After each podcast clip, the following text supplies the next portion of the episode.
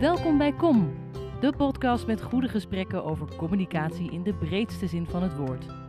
Alles is immers communicatie en iedereen heeft er verstand van, toch? Mijn naam is Bianca Groot en in deze serie ga ik in gesprek met verschillende mensen om die zaken naar boven te halen waar communicatieprofessionals wat aan hebben. Of op zijn minstens over na zouden kunnen denken. En ja, dat is net zo breed als het communicatievak zelf. Dus kom, lekker luisteren. Stem en spraak. Wat is het verschil? Wat is het effect van jouw stem in je communicatie? Is er überhaupt iets te veranderen aan je stem? En hoe doe je dat dan? Alex Boon, van huis uit logopedist, maar inmiddels verworden tot een van Nederlands meest ervaren sprekerstrainers, gaat bij mij in gesprek over hoe je aan je stem kunt werken, zodat je boodschap beter overkomt. En laat hij daar nu net ook een boek over hebben geschreven, getiteld Hoe zal ik het zeggen? Welkom Alex. Dankjewel, jij ook welkom Bianca. Fijn om hier te zijn. We zitten in Scheveningen in een prachtig atelier. Ja, Wat een goede plek. ja fijn hè? Ja. Het, is, het is licht en het is ruim en dat is wat ik nodig heb. Oké, en een oud schoolgebouw begreep ik. Ja, ik vind wel een prettige sfeer, die 30 jaren sfeer. Het Ja. is echt mooi, eh, ja, sfeervol inderdaad, precies wat jij zegt. Hey, stem en spraak. Je noemt het ook echt als twee dingen, hè? maar wat is het verschil eigenlijk? Ja, nou, spraak kennen we allemaal. En zelfs in vakken waar we het over stem hebben, zoals zang of logopedie, daar is stem een apart gebeuren. En eh, als men het daarover stem heeft, gaan we nog steeds naar spraak. Mhm. Dus het verschil is dat stem alleen maar geluid is. Alleen maar geluid. En geluid maak je met je larynx of met je strot. Mhm. Daar waar je ook mee slikt en die zit in je hals. Dus als je geluid maakt, ah, dan is dat je stem. Zodra je daar iets aan toevoegt, en dat doe je meestal omdat je begrepen wil worden, dan noem je het spraak. Oké. Ja, dus baby's die maken geluid, die gebruiken hun stem. En als ze groter worden, als ze opgroeien, leren ze pas praten. Mhm. En andersom is het zo dat mensen die praten of zingen bijna niet meer weten wat nou eigenlijk stem is. Om, omdat je hem gebruikt om mee te praten, verder niet. Nee, nee. En, en, en waarom is het zo belangrijk om dat verschil te weten? Nou, dat is belangrijk als je zegt, ik kom op een bepaalde manier over en ik wil anders overkomen. Mhm. En, je- en, en stel dat het antwoord nou is, nou dan moet je iets met je stem gaan doen. Mhm. Dat kan, hè, 50% kans. Eh, dan moet je naar stem toe om te zien, wat moet ik dan aan die stem veranderen? Hoe zit die stem dan in elkaar? Hoe maak je eigenlijk geluid? Nou, zo gauw je dat aan taal koppelt of aan spraak, dan gaat dat geluid in een patroon bewegen en dat ben jij. En als je kijkt, ik wil dat patroon veranderen, dan moet je uit het spraakpatroon en dan hou je alleen dat geluid over. Mhm. En met dat naakte geluid kun je werken. Oké, dit klinkt heel abstract voor mij. Als je, kun je een Ja, voorbeeld geven? nou. wat, wat, wat kom jij tegen? Nou, sommige mensen zeggen, ja, ik, ik, in- ik intoneer verkeerd. Of ik heb een zeikerige stem. Of ik, ben, eh, ik praat uit mijn, door mijn neus of zoiets. Dan, eh, ik krijg vage klachten, ook weer van mensen die iets tegen hen hebben gezegd. Zo van, jij klinkt zo, zou je er niet wat aan doen? Of praat te snel, praat veel te snel. ja. Maar dan wil ik altijd weten, wat is daar nou zo irritant of wat is er nou zo goed? Hè? Dat kan ook aan, aan die spraak.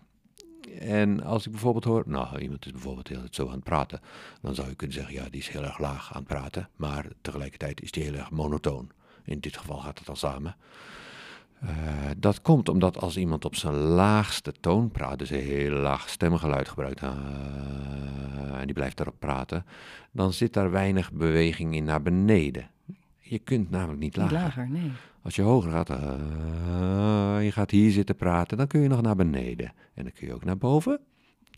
En op dat moment is het handig als je weet, die stem kan hoog en laag. Dat is een van de belangrijke kenmerken van stem. Als je daar een beetje weerstand tegen hebt, tegen hoog geluid, of je zegt van ja, maar ik moet laag praten, want dan, dan kom ik met meer gewicht over, of dan, dan nemen mensen mij meer serieus. Nou, dan kan ik zeggen, dat is niet waar. Zoals je nu overkomt, kom je saai over. Je bent niet te verstaan. en Je, je klinkt rigide of weinig inspirerend. Omdat je geen beweging in dat geluid maakt. Nou, en dan wordt stem opeens heel interessant. Ja, ja.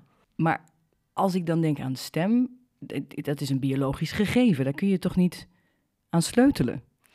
Ja, ook dat is een wijdverbreid misverstand. Eh, Logisch dat je dat denkt. Hè? Nogmaals, het is een patroon waarin je het gebruikt. Dus je, als je iemand hoort praten, herken je hem ook aan zijn stem. Ja, Dus je weet, oh ja, dat is die, onmiskenbaar.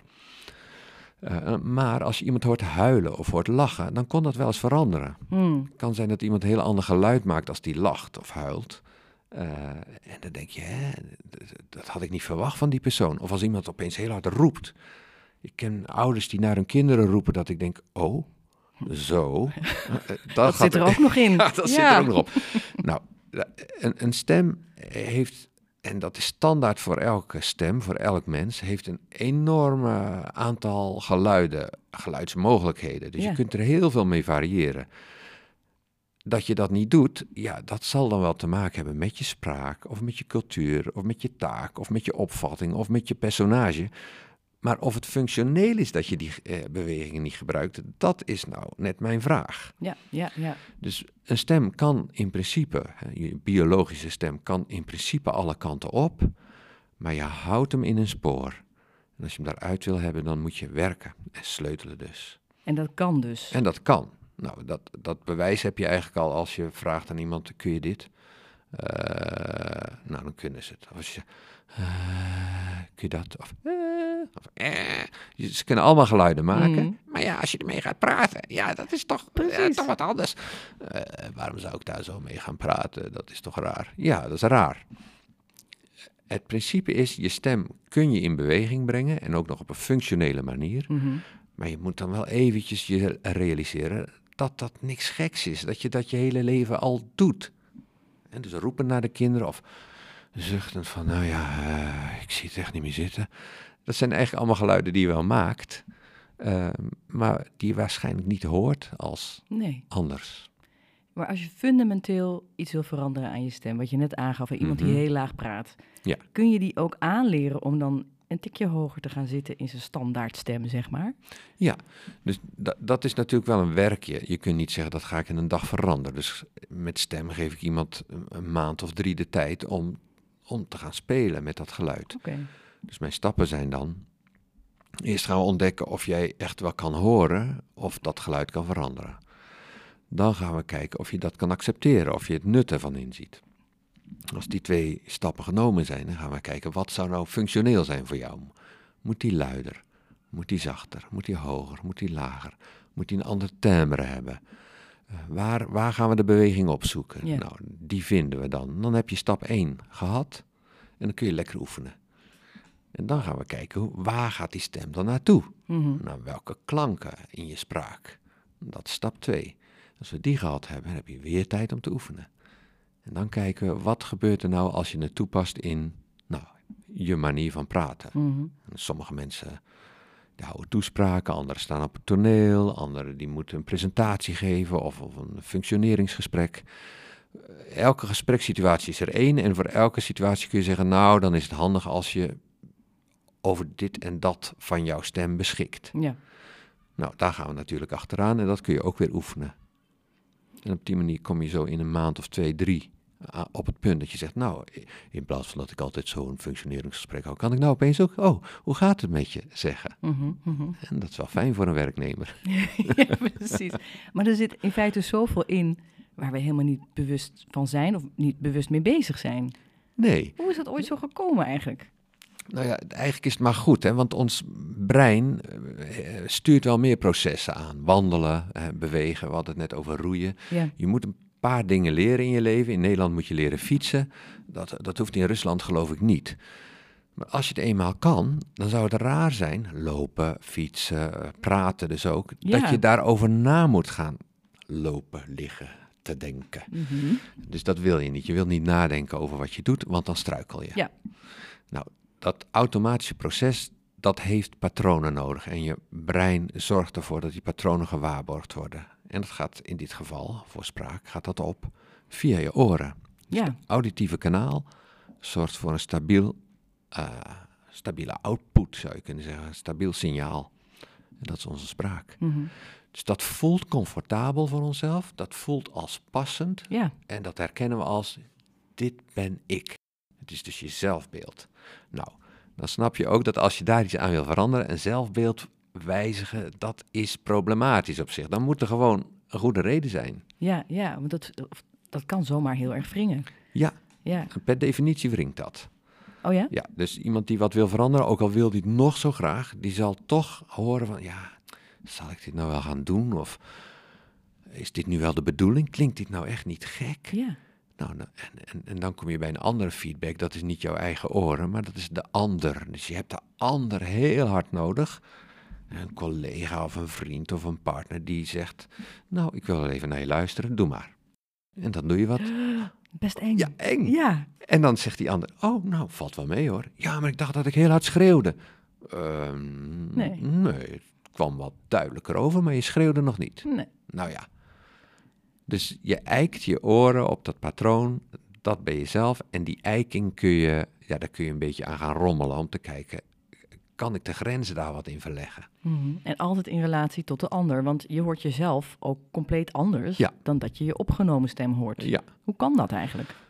Ja, dat is een vrij technisch verhaaltje. Je, je hoort je stem namelijk op twee manieren. Dus de feedback die je op je stem hebt en de feedback die zorgt dat je gewoon kunt praten, die wordt verstoord als je niet meer luistert of niet meer kunt horen. Ja. Dus mensen die doof zijn, die hebben weinig controle over een geluid. En eh, als je dat wel hebt, dan stuur je hem dus vast aan. Nou, hoe hoor je je stem nu? Het geluid verlaat je mond, Mhm. gaat de lucht eromheen is in trilling en die lucht bereikt de ander, die trillende lucht. Maar ook jouw eigen oren. Nou, dat noem je ook luchtgeleiding. Dat signaal, dat geluidssignaal door de lucht, is luchtgeleiding. Maar misschien ken je ook het effect dat als je eh, geluid maakt, dat er iets mee gaat trillen, materiaal. En dat geldt ook voor je lichaam. Als je je hand om je hals legt, eh, aan de voorkant of aan de achterkant of aan twee kanten, en je maakt geluid, eh, en je gaat het geluid veranderen, dan voel je in die hals dat daar een hele fijne trilling eh, aan de gang is. Mhm. En die trilling die plant zich voor door je beenderen. En via die beenderen bereikt het je gehoororgaan. Dat ligt in je rotsbeen, in je schedel verankerd. Dus die trilling door de beenderen zet dat gehoororgaan ook in beweging. En dat gehoororgaan, dat neemt dat op als geluid. Is net als een microfoon. Ja. Dus er zijn twee signalen die binnenkomen bij je gehoor. Eén via de lucht en je ho- hoorschelp. Dat is de luchtgeleiding. En de tweede is via je beenderen. Dat is de beengeleiding. En die twee signalen vormen voor jou de definitie van je eigen stem. Ja. En daarom schrik je misschien zo van je eigen stem als je hem opgenomen hoort. Nou ja, als je hem, opgenomen, opgen- als je hem op zou nemen en je speelt hem weer af, dan hoor je hem dus door de lucht naar je toe komen. Dan denk je, Alleen, ja, ja. ja, ja, ja, is dit mijn geluid? Je herkent het niet zo goed of je Nee. herkent het wel, maar je denkt, "Hm, een beetje gek. En dan vraag je aan anderen, "K- is dit mijn stem? Klink ik echt zo? En die anderen die jouw stem altijd door de lucht horen, die zeggen, ja hoor, zo heel gerust. Ja, nou, ja, dan schrik je natuurlijk helemaal. Want je Hmm. denkt, oh, anderen horen mij dus zo. En jij hoort jezelf anders. Je mist dus die beengeleiding component. En het geluid voor jou is niet compleet. Maar ik kan me voorstellen dat iemand bij jou komt die wil iets veranderen aan zijn stem.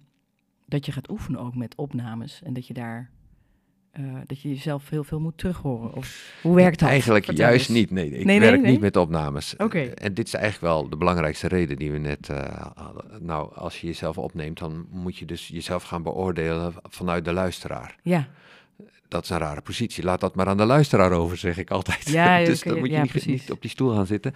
Maar je kunt je wel voorstellen wat die luisteraar van jou krijgt. Dus als iemand zegt, praat eens wat harder, dan kun je ervan uitgaan dat je te zacht praat. Of die luisteraar moet slechthorend zijn, maar goed, dat is dan meestal wel een... niet eh, vanuit. Ja. Nee. Eh, dan probeer je wat en zeg je, ja, dat kan niet. Dan ga ik knijpen of ik krijg last. Dus dan moet je leren hoe je meer volume maakt zonder dat je gaat knijpen of forceert. Mhm. Dat kan jouw strot heel goed. Maar hoe? Nou, dat ga ik hier dus staan doen. Van hoe maak je nou volume? Dus we bewegen erbij. En we luisteren ernaar. En we voelen wat ons lijf moet doen om zo'n geluid te produceren. Mm. Nou, als je dat weet en, je oefent dat, dan kun je reproduceren wat je deed. Dus hoe voelde dat? Hoe klonk dat om mij heen? Hoe voelde ik mezelf? Misschien sta ik wel meer rechtop, of misschien eh, zet ik wel ergens spanning, of misschien ontspan ik wel ergens wat, of zet ik iets open of iets dicht. Mensen zeggen van alles. Dus ja, dit is wat roder, zeggen ze dan. Ik zeg, oké. Of wat groener geluid. Of dit, dit kaatst terug. Ja, kan allemaal. Maar wat jouw perceptie ook is, Ja. Op het moment dat je dat lukt om dat geluid te veranderen, dan heb je het in je eigen hand. En niet uit de tweede hand, uit een microfoon of een, of een speaker. Nee, dat kun je ook niet uitsturen. microfoon uit een Uit speaker. de speaker. Ja, ja. ja, Ja. precies, precies. Hey, als ik jou zo hoor praten, wat, wat, wat weegt dan zwaarder? Wat je zegt of hoe je het zegt? Wat je zegt. Wat Dat je wel. zegt. Ja. Oh ja? ja, wat je zegt, dat weegt het zwaarste. Dus er is een onderzoek naar gedaan door Alfred Merabian. En die heeft daar een, een boek over geschreven, Silent Messages, al lang geleden. En dat, is, eh, dat bevat onder andere een formule met de verhouding waarin stem en mimiek en, en, en wat je zegt, de inhoud, zich tot elkaar verhouden. Wat Mhm. is het belangrijkste? Ja. Nou, dat heeft hij, daar heeft hij een onderzoekje naar gedaan in een setting zoals wij nu zitten. Je bent met z'n tweeën, maar je vraagt naar elkaars mening ergens over. Of je vraagt hoe iemand zich voelt ergens over. Vrij persoonlijk. En die ander reageert dan met, ja, nou, ja, vond ik wel prettig. En jij kijkt dan een beetje naar die ogen en naar de wenkbrauwen en je luistert naar die stem en je denkt, ja, ik, ik geloof het eigenlijk niet wat hij zegt. Ja, ik vond het wel prettig. Je hoort iets wat tegenspreekt wat die persoon zegt. Nou, op- basis daarvan is die formule gemaakt.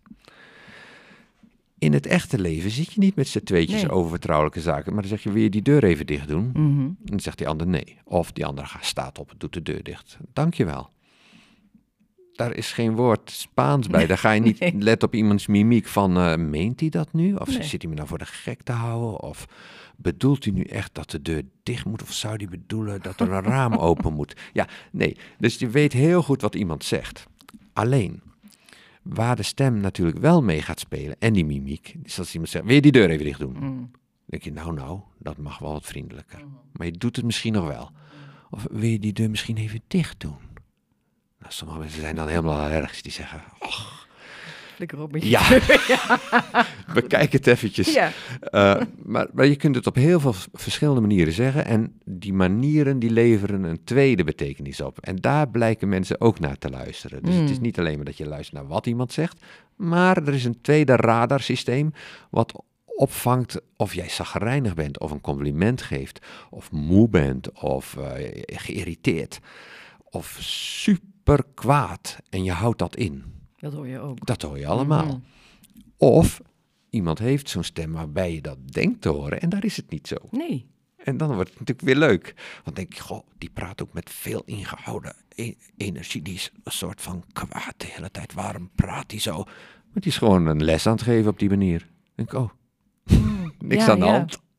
Maar, je, maar het is zo multi-interpretabel. Ja. En toch haal je er heel veel informatie uit. Waarbij je me aanneemt dat wat je hoort, dat dat het juiste is. Ja, Het is echt ingewikkeld. super subjectief. Ja. Dus als je, stel je hebt als doel, ik wil eh, beter overkomen. Dan denk ik, nou ja, eh, waar sta je? Op een toneel? Ja, wat is Of beter? eh, zit je in een vergaderkamer? Met wie praat je? Praat je met je collega's of praat je met kinderen? Het, het, wat is je bedoeling? Wil je dat de boel in oproer komt? Wil je actie hebben of wil je alles kalmeren? Dus er zijn een aantal parameters. Wie ben ik? Wie is de ander? Wat wil ik bereiken? En naar aanleiding van die parameters kun je maar beter wel je stem laten overeenkomen met wat de bedoeling is. Dus als ik tegen kleutertjes ga, ehm, eh, ja, ga zeggen, hoe zal ik het zeggen jongens? Die gaan niet meer luisteren naar mij, die kruipen Nee. weg en eh, nee.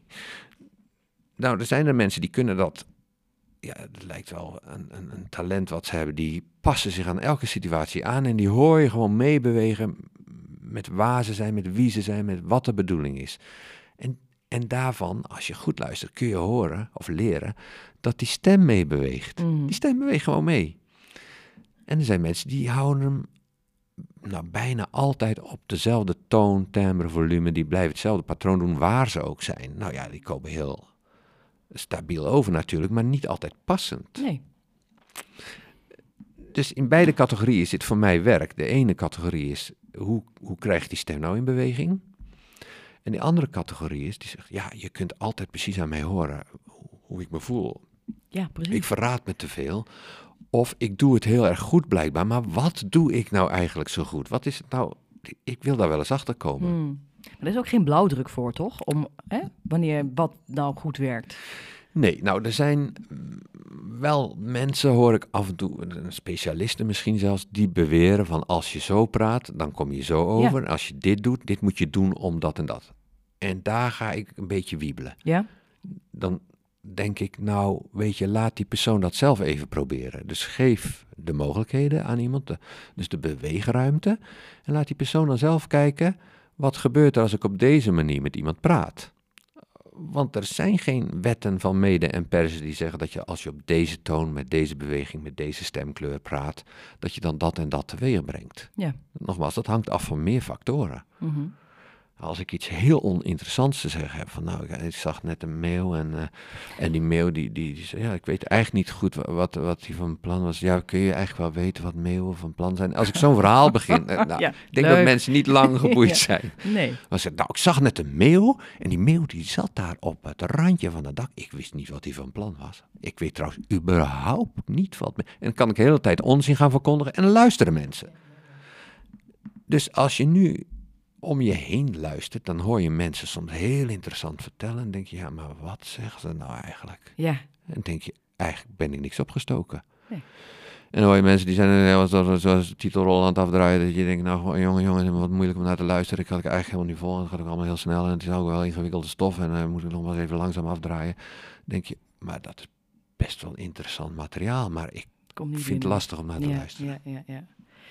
Je zei net al, eh, haalde je al een, een cliché aan van als je laag praat, dan, hè, dan kom je goed over. Of dan heb je, eh, hoe zei je dat nou net zo mooi? Ja, je overwicht. Of, hè, overwicht. zo.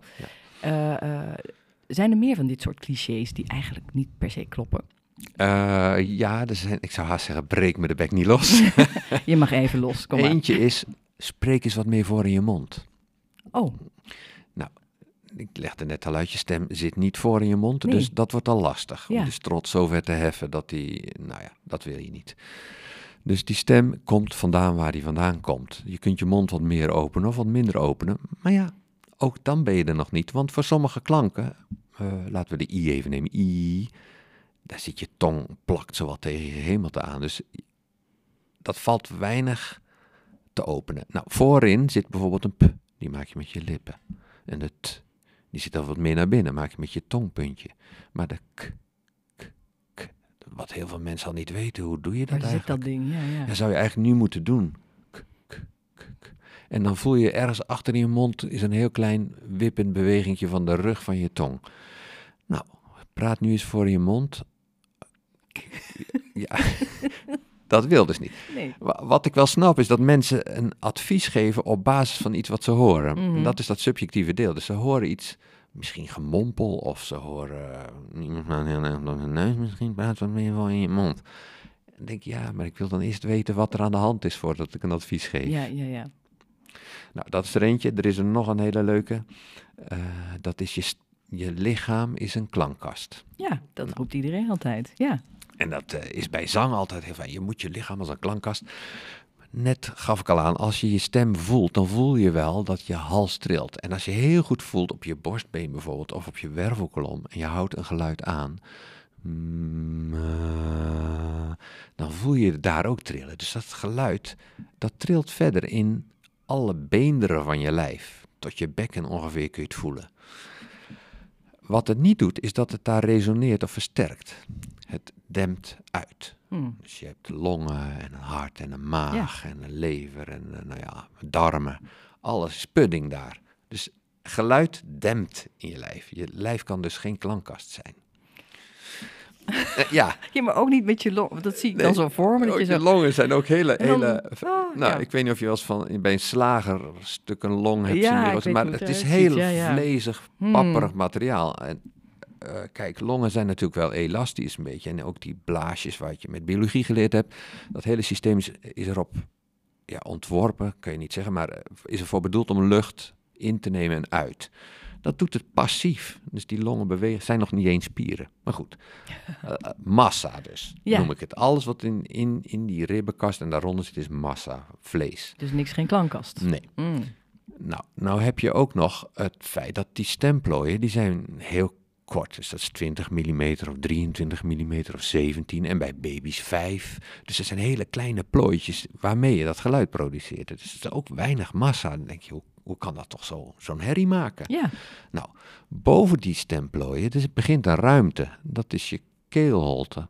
En dan kom je bij de mondholte en de neusholte. Daar gaat dat geluid doorheen voor het naar buiten gaat. En eh, daar vindt ook de magie plaats. Daar is de plek waar het geluid versterkt wordt. Dus als je denkt aan eh, klankkast, kun je beter eh, als beeld gebruiken de beker van een trompet bijvoorbeeld. En die, die, die, die, in die hele pijp komt een kolom in trilling van die trompet, maar pas bij die beker gaat het schallen. Nou, zo doen wij het eigenlijk ook. Ja. We, we produceren geluiden en versterken het in ons aanzetstuk, heet dat, in, in de ruimte boven de stemplooien tot de voorkant van de lippen. Kijk, trompet, ik ga hem onthouden. Ja. Is er nog één waarvan je denkt, nou, dat slaat echt helemaal nergens op, wat vaak wordt geroepen? Ehm, maak eens geluid uit je buik. Ja, Ja, dat kan dus ook niet, want er zit niks in je buik. Ja, je darmen maken geluid, maar dat het geluid, je geluid. ja, voor ja, de dat gebruiken. Nee, nee, precies. Eh, dat is natuurlijk geen geluid maken uit je buik, maar je maakt in feite gebruik. Je ziet die buik bewegen omdat je met je middenrif werkt. Het meer met, heeft meer met ademen te maken. Heeft meer met ademen te Precies, maken, ja. precies. Hey, je hebt eh, eh, een paar weken terug het boek Hoe zal ik het zeggen uitgebracht. Ja. Waarom moest dit boek er komen? Nou, het, eh, het, het moest niet, maar het, het kon gewoon niet anders. Dus het Ja, moest toch? Ja, ja. ja, op die manier moest het. Maar Ja. gelukkig hoefde ik niet. Het was wel een, een, een leerzaam proces, kan ik zeggen. En ook wel een moeilijk proces. Maar het, Hmm. het kwam er omdat ik... Nou, bijvoorbeeld deze drie voorbeelden die ik net noemde... die wilde ik al uit de lucht hebben. Maar ook dat, dat onwetende over wat is nou stem en wat is nou spraak. En als mensen daar nou aan willen werken, denk ik... ja, dat is toch zo simpel. Want dat doe ik elke dag. Als het nou zo simpel is, moet ik het toch simpel op kunnen schrijven. En, en dan liefst op een manier dat als mensen gaan kijken, dat ze, een soort fantasie eigenlijk, dat ze dan kunnen gaan uitproberen, oh, oh, zo zit het. Dus ik dacht, als ik het nu zo opschrijf en je leest het hardop, dat je dan ontdekt, oh, zo zit het in elkaar. Nu kan ik er wat mee gaan doen. Mhm. Dan heb je een soort handboek Ja. eigenlijk. Want voor wie heb je het geschreven? Voor, voor iedereen die spreekt. Oké. Dus, maar, maar natuurlijk wel voor iedereen die spreekt die er iets vanaf wil weten. Ja, ja, ja. Dus dat, je zou ook eh, een boek over lopen kunnen schrijven voor iedereen die loopt. Maar ja, niet iedereen wil daar wat over weten. Nee, precies. Nou, dus als je wat wil weten over hoe zit spraak nou in elkaar, of kan ik nou iets veranderen aan mijn stem, of kan ik aan mijn spraak iets veranderen, of aan de manier waarop ik een verhaal hou, want er zijn natuurlijk een aantal niveaus, eh, dan, dan kun je dit boek lezen of doen. Want het is nog. vooral een doeboek, begrijp ik, hè? Er staan verhaaltjes in. Er staat ook uitleg in. Er staan ook, ook hele specifieke informatie over klanken bijvoorbeeld in. Wat voor klank hebben we in Nederland? En dat is ook een wereld apart. Eh, dus je kunt kijken van, nou dit interesseert me, dat niet. Nou, dan doe ik dat. Oh, zit dat zo? Of je kunt beginnen vanuit, ja, mensen zeggen van mij altijd dat ik een beetje eh, lang van stof ben. Of mensen zeggen van mij altijd dat ik zo'n kraakstem heb. Of ze horen me nooit. Of ze vinden dat ik afloop als een wekker. Ja, daar heb ik voorin staan. Wat, waar je naartoe kunt gaan als je afloopt als een wekker. Dus Ja, dan, dan zeg je, oh, dan moet je naar hoofdstuk 5. Oké. Dus je hoeft hem niet chronologisch af te werken, nee, zeg maar. Oké. Nee, je kunt gewoon insteken bij tempo. En dan als je denkt, ja, maar daar kom ik er niet mee. Want nu begint hij opeens over klinkers. Dan moet ik een stukje terug. Ah, moet ik naar stem eigenlijk? Ah, dan moet je nog een stukje terug. Dus je kunt het ook achterstevoren lezen. Ja, precies, ja. En wat, wat, wat, wat kan ik als ik het gelezen heb? Nou, het, wat ik hoop dat je kunt, is in ieder geval dat je bewust wordt van, oh, wat zit dat toch geniaal in elkaar wat ik doe. Ik doe iets vanzelfsprekend Mooi. en het ja. gaat vanzelf. Ik hoef dus niet na te denken en het is een heel fijn mechanisme. Er zijn zelfs verschillende mechanismen die met elkaar samenwerken. Dus eh, stel je voor, je maakt geluid, dat is één ding. Dan maak je allemaal klankjes. Dat vind ik ook al zo'n wonderlijk gegeven. En dat stuur je aan omdat je iets wil zeggen, namelijk ik wil iets zeggen. Ik wil zeggen dat ik iets wil zeggen. Hoe zal ik dat nou zeggen? Nou, dan moet ik een zinnetje maken. Ik wil iets zeggen. Nou, je gaat er helemaal niet over nadenken. Het is er al uit voordat je het weet. Dus ik wil iets zeggen. zeg je dan. Ik vind dat nog steeds het grootste wonder van het hele lijf. Dat het, dat het, dat het brein iets bedenkt of dat jij iets bedenkt en dat het er dan ook vanzelf uitkomt. Dat dat gewoon kan. Ja. Ja. Dus dat systeem wil ik ontleden en Mhm. dan kijken, kun je, kun je er inderdaad aan sleutelen? Dat, het, dat blijft mijn... eh, Ja. Ja, dat kan dus ook. ja, dat ja, kan. Ja, ja. Hoe ben je ooit zo gefascineerd geraakt door, door dit onderwerp, door stem en spraak en alles wat erbij ja, komt kijken? verschillende dingen. Want als je eenmaal op een spoor zit, is dat natuurlijk... Kijk, iedereen praat, dus dat, Ja. dat hoeft niet. Maar als kleuter was ik wel altijd aan het kijken naar mensen. Dan stond iemand tegen me te praten. Ik herinner nog één juf. Die sprak zo apart dat ik alleen maar naar haar gezicht zat te kijken. Dus ze was wel heel... Hoorde je niet wat ze zei? Nee, en ik denk dat zij dacht dat ik heel dom was. Dus zij zag mij wel kijken, eh, maar ik deed wellicht niet wat ze zei. Nee. Dus ik keek naar haar gezicht en zag... Ja, nou, nou, maar dit heeft ze zo praten. Zij tegen mij, wat is? Hey, heel vriendelijk. Ja, hey, Alex, je wat dat, dat. dat. En ik zat maar te kijken. Ik kan me haar gezicht nog zo goed voor de geest halen. En dan die wenkbrauwen bewogen en die mond, hele grote bewegingen maakte die. En ze had het goed met me voor. Dat Ja, was ja, mijn... ja, dat voelde je wel. Maar of ik nou op moest ruimen of een taakje... Ik wist echt niet of ik kleurtjes of op een rijtje moest leggen. Dat, dat ging allemaal niet. Maar dat... Dus daar begon het denk ik al een beetje. Mm, en later eh, eh, kwam ik een vriend tegen die doof was. Hm. Die maakte bizarre geluiden. Mm. En die kon ik nadoen. Hm. Dus toen dacht ik nog steeds niet van, ja, dit is wat. Maar dat, dat sloeg zich blijkbaar ook ergens op. En pas op de eh, middelbare school, aan het eind daarvan, kreeg ik het advies, nou, misschien is logopedie wel iets voor jou. Dus dat ben ik toen gaan doen. Mhm. Nou, ook daar viel het kwartje nog niet helemaal. En in het vierde jaar van logopedie ben ik een stage gaan lopen op de toneelschool. En toen zag ik, Oh. maar wacht even, stem is een heel apart gereedschap, zelfs fysiek. Dus daar werd heel fysiek gewerkt met het lichaam. Eh, dus je, je, je leerde daar niet netjes praten, maar je leerde daar gewoon grove geluiden maken. Mm. Dat vond ik heel erg interessant. En samen met eh, ja, de kennis over spreken, over taalontwikkeling, over de gehoorontwikkeling. eh, ja, taal, spraak en stem, dat zijn natuurlijk drie grote gebieden in de logopedie. Kwamen de dingen toen een beetje bij elkaar. Nou, daarna heb ik een jaar of twintig gespeeld. eh, met kinderen in het onderwijs. Of logopedie gegeven. En daar was spelen voor mij een heel belangrijk Mm. element. En, eh, omdat taal leer je volgens mij ook niet. En spraak volgens mij ook niet uit een boekje. Hè. Dus wat ik nu geschreven heb is gewoon pure onzin. Daar kun je het niet uit leren. Ja, is belachelijk. Niet kopen Wat mensen. een goed verkooppraatje. ja, Nee. Nee, niet doen. Want je kunt het al. Dus- Ja, ja. En ik dacht van, hoe leer je dat dan? Toch niet doordat iemand zegt een oe, dan moet je even een rondje maken met je Ja. mond en dan je tong. Nee. Dus ik vind het fascinerend dat het oor dat allemaal aanstuurt.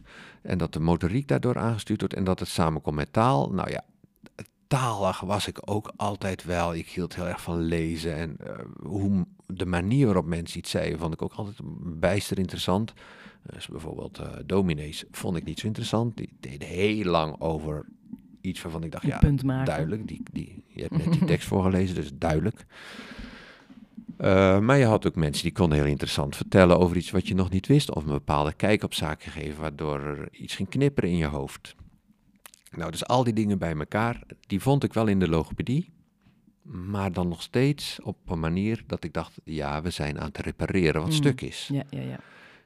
En daarnaast was ik altijd bezig met, maar als het nou niet stuk is, kun je er dan ook nog acrobatiek mee doen? En kun je er bijzondere dingen mee doen? En dat kan. Dus als ik mensen zie die daar een beetje in, in de modder zitten met hun spraak, of een beetje vastzitten, maar, en ik denk, ja, maar dat hoeft niet. Je hebt gewoon al je gereedschap bij je.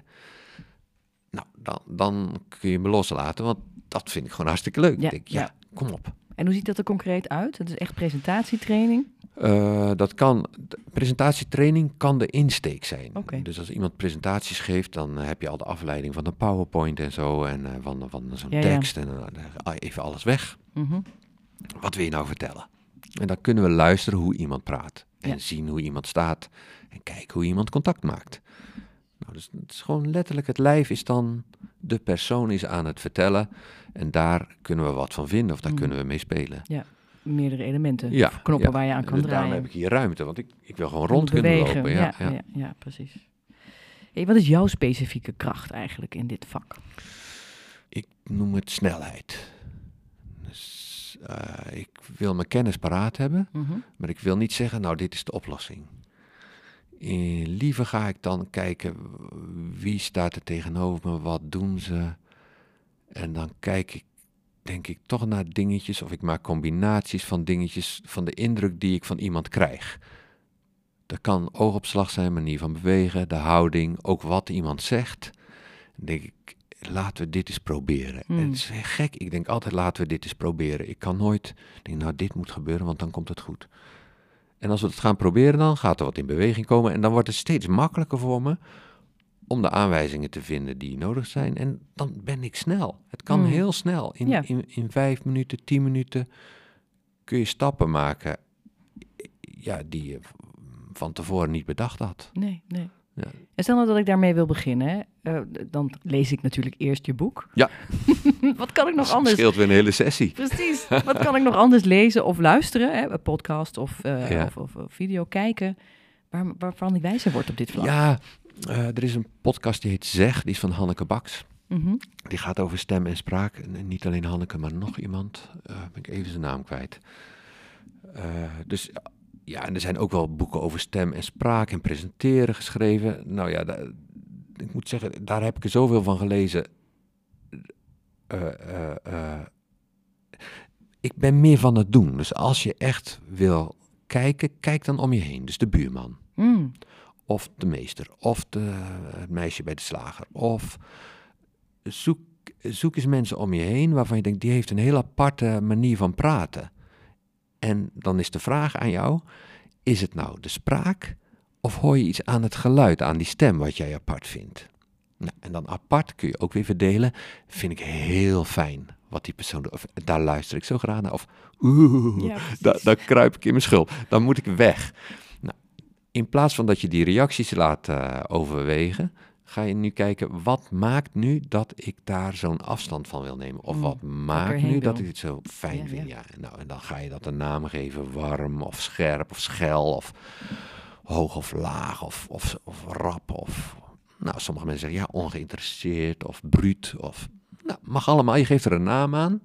En dan kun je vervolgens gaan kijken, wat maakt nou dat ik het bruut of onaangenaam of aangenaam vind? En dan kun je het plaatsen bij stem of spraak. Dat, dat, daar leer je het meeste van, gewoon om, het, om het te analyseren een beetje. En ook om het zelf toe te passen bij jezelf. Ja, ja, dat is ook heel leuk. Eh, een heel bekend voorbeeld wat, wat hondentrainers wel gebruiken is als je tegen een hond zegt, zit, zit, zit. Nee, dan moet je dus inderdaad zit. Kort en omlaag. En niet zit, zit, zit, zit. Dan gaat hij alleen maar ja, kwispelen en naar je kijken en omheen springen en zo. Ja, gaan we spelen? Eh, dus blijkbaar heeft die intonatie daar een hele belangrijke rol.